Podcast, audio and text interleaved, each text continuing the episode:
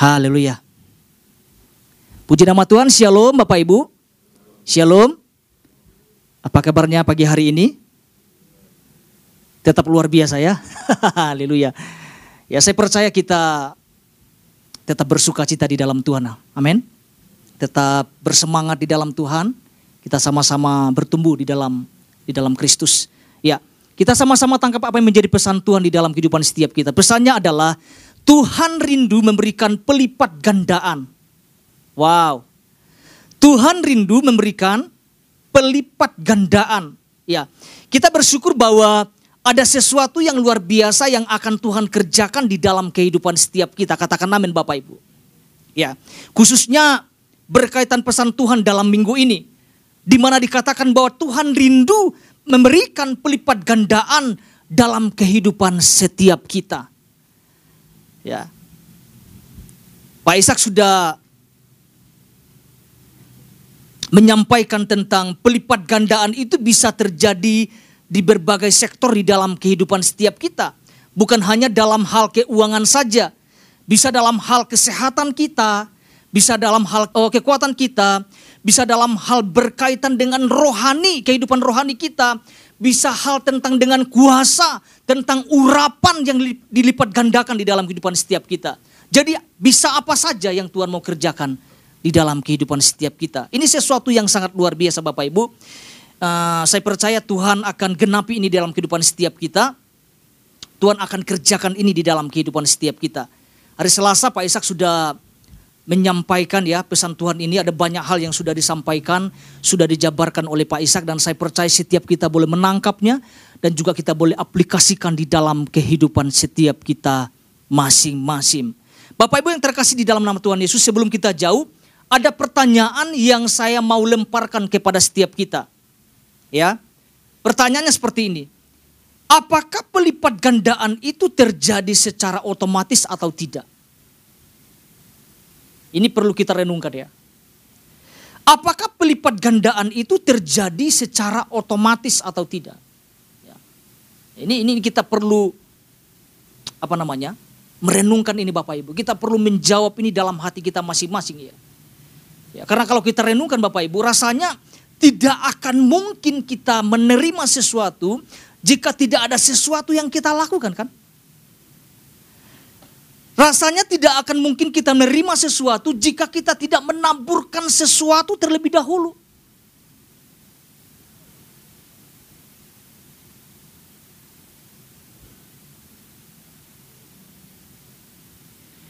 Pak Ishak sudah sampaikan bahwa ada diperlukan faktor pengali dalam diri kita, dalam kehidupan setiap kita.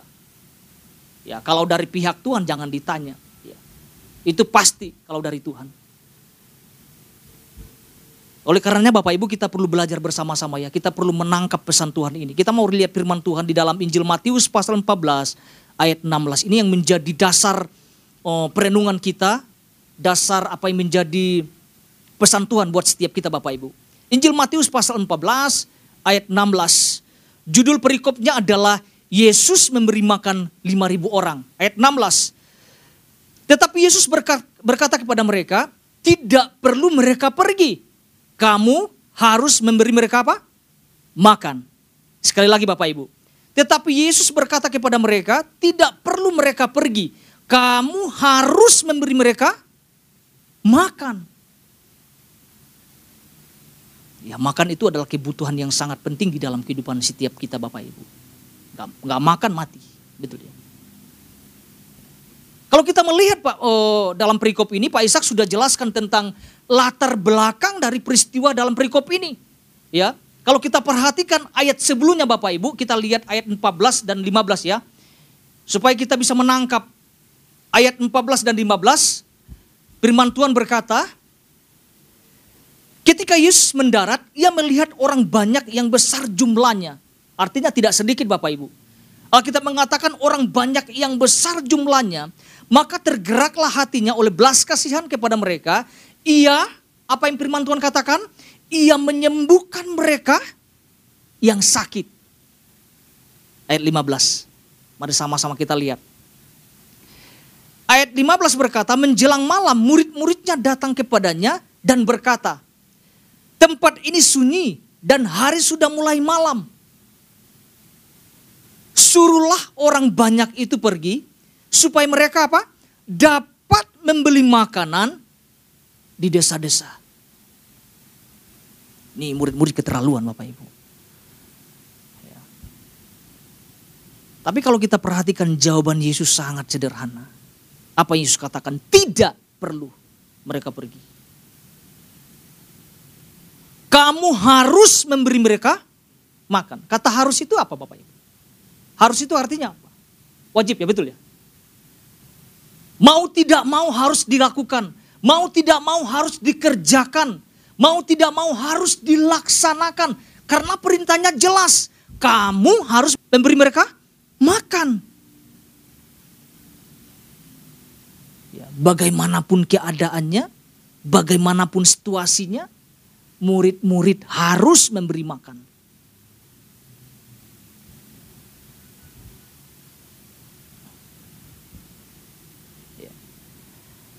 Mungkin Mungkin para murid pada saat itu Bapak Ibu mungkin mengalami kebingungan ya. Karena mereka melihat yang ada pada diri mereka tidak punya apa pun gitu loh. Sedangkan dalam posisi itu ya mungkin ya mungkin juga para murid juga lapar. Sehingga mereka melihat diri mereka kita nggak punya persediaan apa pun. Kalaupun ada tidak akan cukup. Kita lihat ayat 17, apa yang dikatakan di sana? Ayat 17 berkata, jawab mereka, yang ada pada kami di sini hanya lima roti dan dua ikan. Secara logika, lima roti dan dua ikan ini tidak akan cukup kepada semua orang banyak.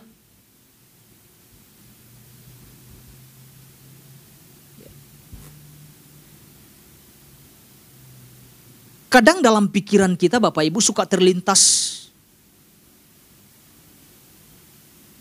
Ah ini mah sedikit. Apa untungnya? Apa gunanya?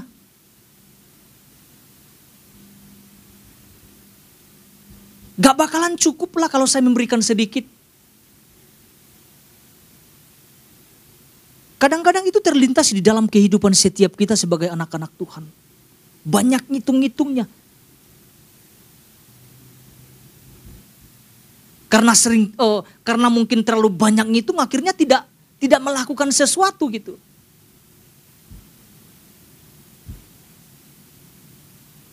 Kita mau lihat Bapak Ibu apa yang Tuhan sampaikan di dalam inti pesan Tuhannya. Ya. Ini yang Tuhan diingatkan Bapak Ibu. Ini, ini saya harus sampaikan kepada setiap kita supaya kita tangkap pesannya ya. Ini yang Tuhan ingatkan kepada setiap kita ya. Tidak semua saya bacakan Bapak Ibu. Kita diingatkan bahwa Tuhan sedang mengajarkan kepada setiap kita bahwa ada pelipat gandaan yang Tuhan sudah sediakan di ujung sana. Wah, saya sudah jelaskan di ujung sana itu bukan di ujung gitu. Ya. Tetapi Tuhan tidak memberikan hasil akhir yang yang berlipat gandaan ini begitu saja. Ya. Tuhan mau kita memahami bahwa apa yang membuat sesuatu yang seharusnya diterima sedikit dan biasa itu dapat menjadi pelipat gandaan dan Tuhan mau kita menangkap prinsip ini. Saya percaya ini bukan bukan hanya satu kali ini Tuhan memberikan pesan ini kepada setiap kita. Kalau Tuhan memberikan pesan ini berarti ada yang belum melakukannya. Sehingga Tuhan tekankan ini kembali kepada setiap kita. Karena gini Bapak Ibu. Karena begini, kita sering dengar tetapi kadang kita tidak sadar bahwa kita sering diberikan sebuah situasi di mana Tuhan mau kita mempraktekkannya. Ini luar biasa Bapak Ibu. Kita tahu bahwa kerinduan Tuhan adalah Tuhan mau kita mengalami suatu pelipat gandaan. Tidak ada di antara kita yang tidak mau seperti mengalami pelipat gandaan. Semua pasti rindu mengalami pelipat gandaan di dalam kehidupan setiap kita. Namun saya mau sampaikan gini Bapak Ibu, tidak secara otomatis terjadi. Harus ada sesuatu dulu yang harus kita lakukan. Kita harus mempraktekkannya di dalam kehidupan setiap kita. Ya, masalah praktek ini yang susah Bapak Ibu. Kadang Tuhan sudah ingatkan untuk terjadinya, tergenapinya pelipat gandaan di dalam kehidupan setiap kita. Kadang kita nggak mau lakukan gitu.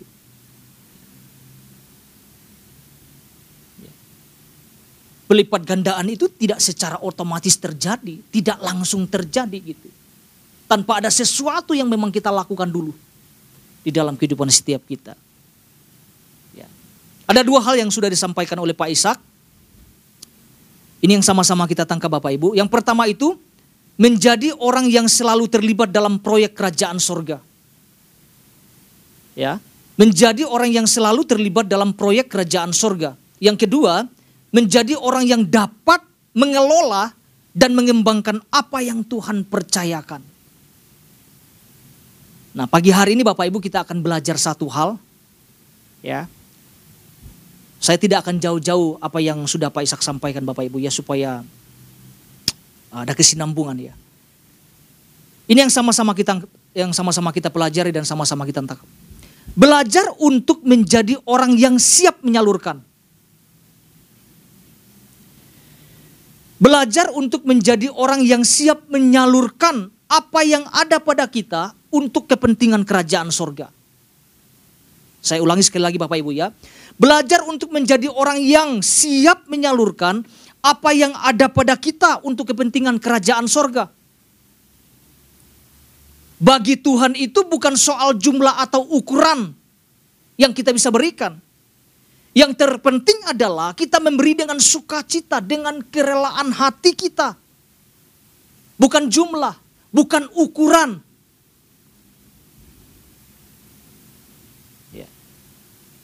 Di awal saya sudah sampaikan bahwa yang menjadi penghambat, yang menjadi masalahnya kadang-kadang kita melihat tentang jumlah dan ukurannya.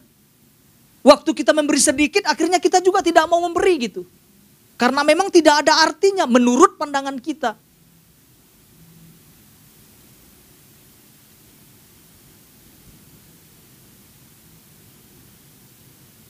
Ya puji Tuhan kalau ada orang yang memberi dengan jumlah yang besar, dengan ukuran yang besar.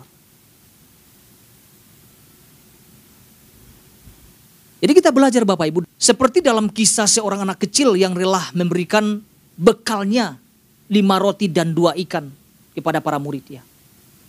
Ya kira-kira lima roti dan dua ikan ini jumlah yang banyak atau jumlah yang sedikit Bapak Ibu?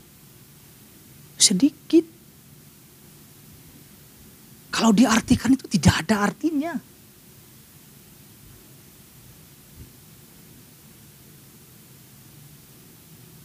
Murid-murid menemukan itu dari seorang anak kecil yang rela memberikan.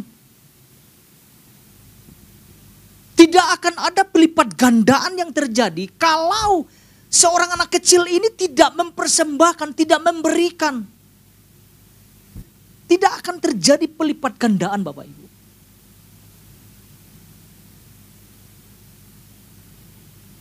Karena waktu Yesus memerintahkan para murid harus memberi mereka uh, makan orang banyak itu. Saya percayalah, para murid juga berusaha gimana caranya supaya mereka mendapatkan makanan. Ya. Tapi kita bisa baca dalam perikop itu Bapak Ibu, dalam perikop. Satu perikop itu.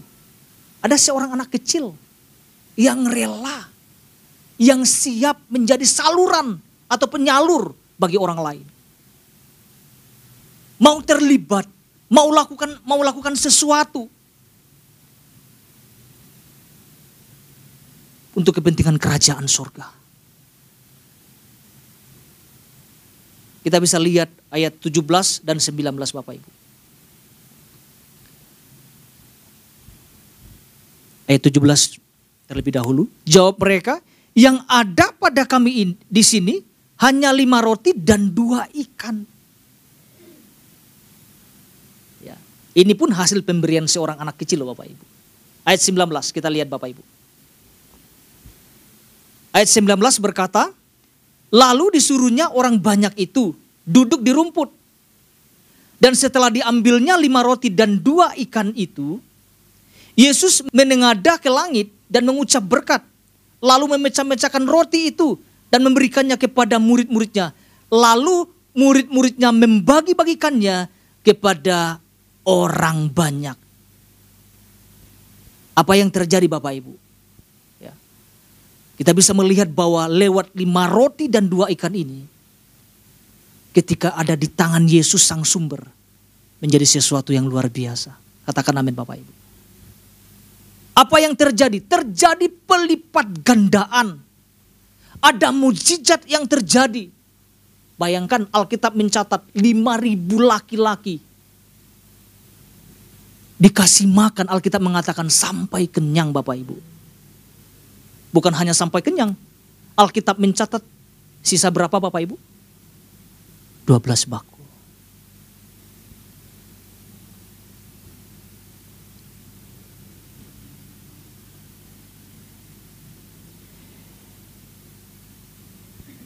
Ini sesuatu yang luar biasa. Mereka dipuaskan dengan makanan. Alkitab mencatat ada sisa 12 bakul. Jadi kita belajar. Belajar dari seorang anak kecil yang siap jadi penyalur bagi bagi orang lain Bapak Ibu.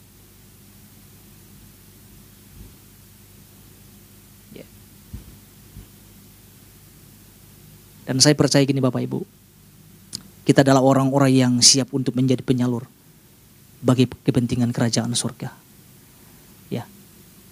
Jangan sampai ketika pesan ini datang kepada setiap kita berlalu begitu saja Bapak Ibu. Kita coba mau mengambil bagian belajar untuk hidup dalam ketaatan. Kita mau melakukan bagian kita. Dan saya percaya waktu kita melakukannya dengan sukacita, dengan kerelaan hati, maka akan terjadi yang namanya pelipat gandaan dalam sektor apa saja yang Tuhan mau lakukan dalam rumah setiap kita. Saya percaya berbagai sektor. Jadi bukan hanya tentang ngomong tentang keuangan Bapak Ibu.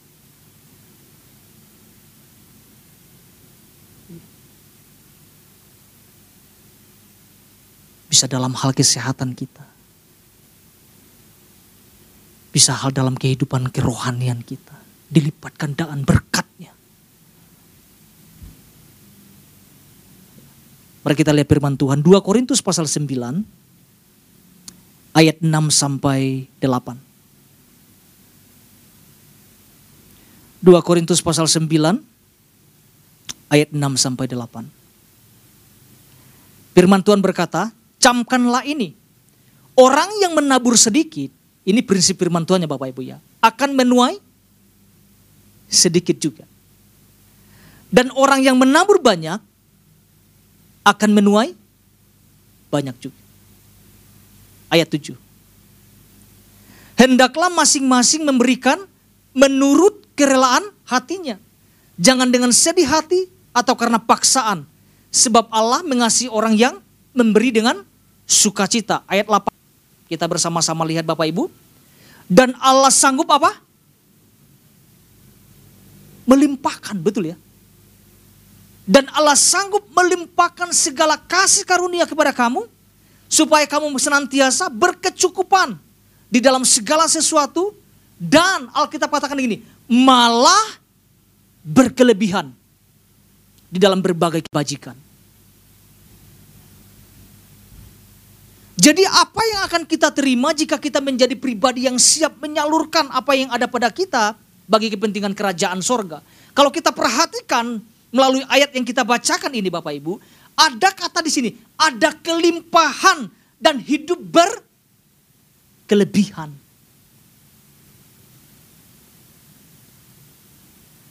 Namanya kelimpahan itu tidak ada ukurannya Bapak Ibu. Kelimpahan itu bukan ukuran kita, tapi kelimpahan ukuran Tuhan.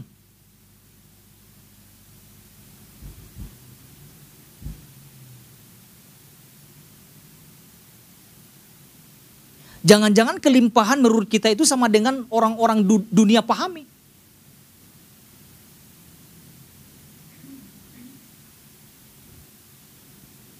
Kelimpahan ini sih ber berbeda.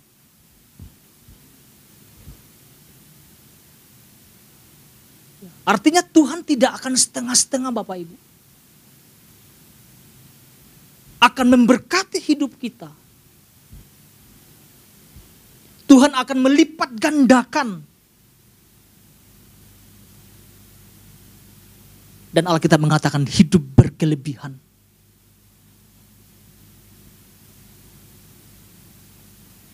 Kira-kira senang gak Bapak Ibu kita hidup dalam berke berkelebihan? Wow, dahsyat loh Bapak Ibu. Bukan hanya sekedar cukup Alkitab mengatakan berkelebihan.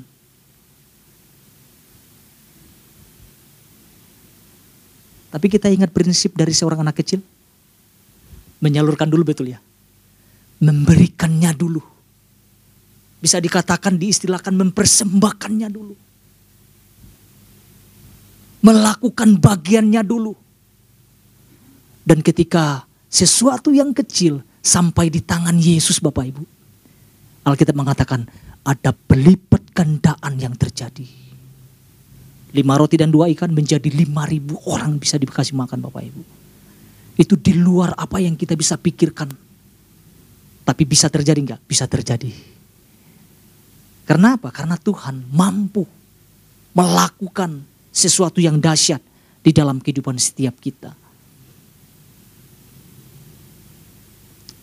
Jadi apa yang sama-sama kita tangkap Bapak Ibu? Sederhana saja yang saya mau sampaikan pagi hari ini. Belajar untuk menjadi orang yang siap menyalurkan apa yang ada pada kita untuk kepentingan kerajaan surga. Kita sama-sama tangkap ini Bapak Ibu. Kita sama-sama praktekkan. Pak Ishak sampaikan kita harus or menjadi orang-orang yang bisa mampu mempraktekkan apa yang Tuhan sampaikan di dalam kehidupan setiap kita. Sebagai penutupnya Bapak Ibu kita lihat Yosua pasal 23 ayat 10.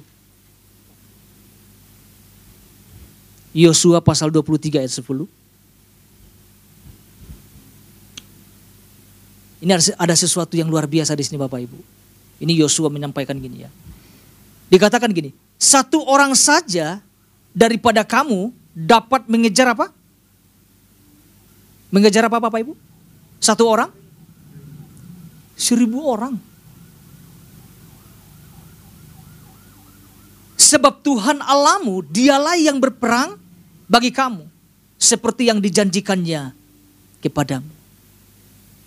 Saya tidak membahas tentang perangnya Bapak Ibu. Tetapi kita bisa lihat tentang pelipat gandaan tentang kekuatan di sini. Dikatakan apa? Satu orang saja daripada kamu dapat mengejar seribu orang. Yang ngejar satu orang aja capek Bapak Ibu. Tapi kita bisa melihat. Tuhan bisa melipat gandakan kekuatan di dalam kehidupan setiap kita. Waktu kita mungkin gini, mau berkorban. Memberi waktu kita untuk melayani Tuhan. Atau melayani orang-orang di sekitar kita yang membutuhkan kita. Jangan lupa Bapak Ibu, bukan hanya ngomong tentang uang loh. Tetapi berbagai aspek di dalam kehidupan setiap kita. Dan kita bisa lihat apa yang Tuhan bisa kerjakan di dalam kehidupan setiap kita. Ada pelipat gandaan yang terjadi. Mari kita sama-sama tangkap apa yang menjadi pesan Tuhan dalam minggu ini. Tuhan Yesus memberkati setiap kita.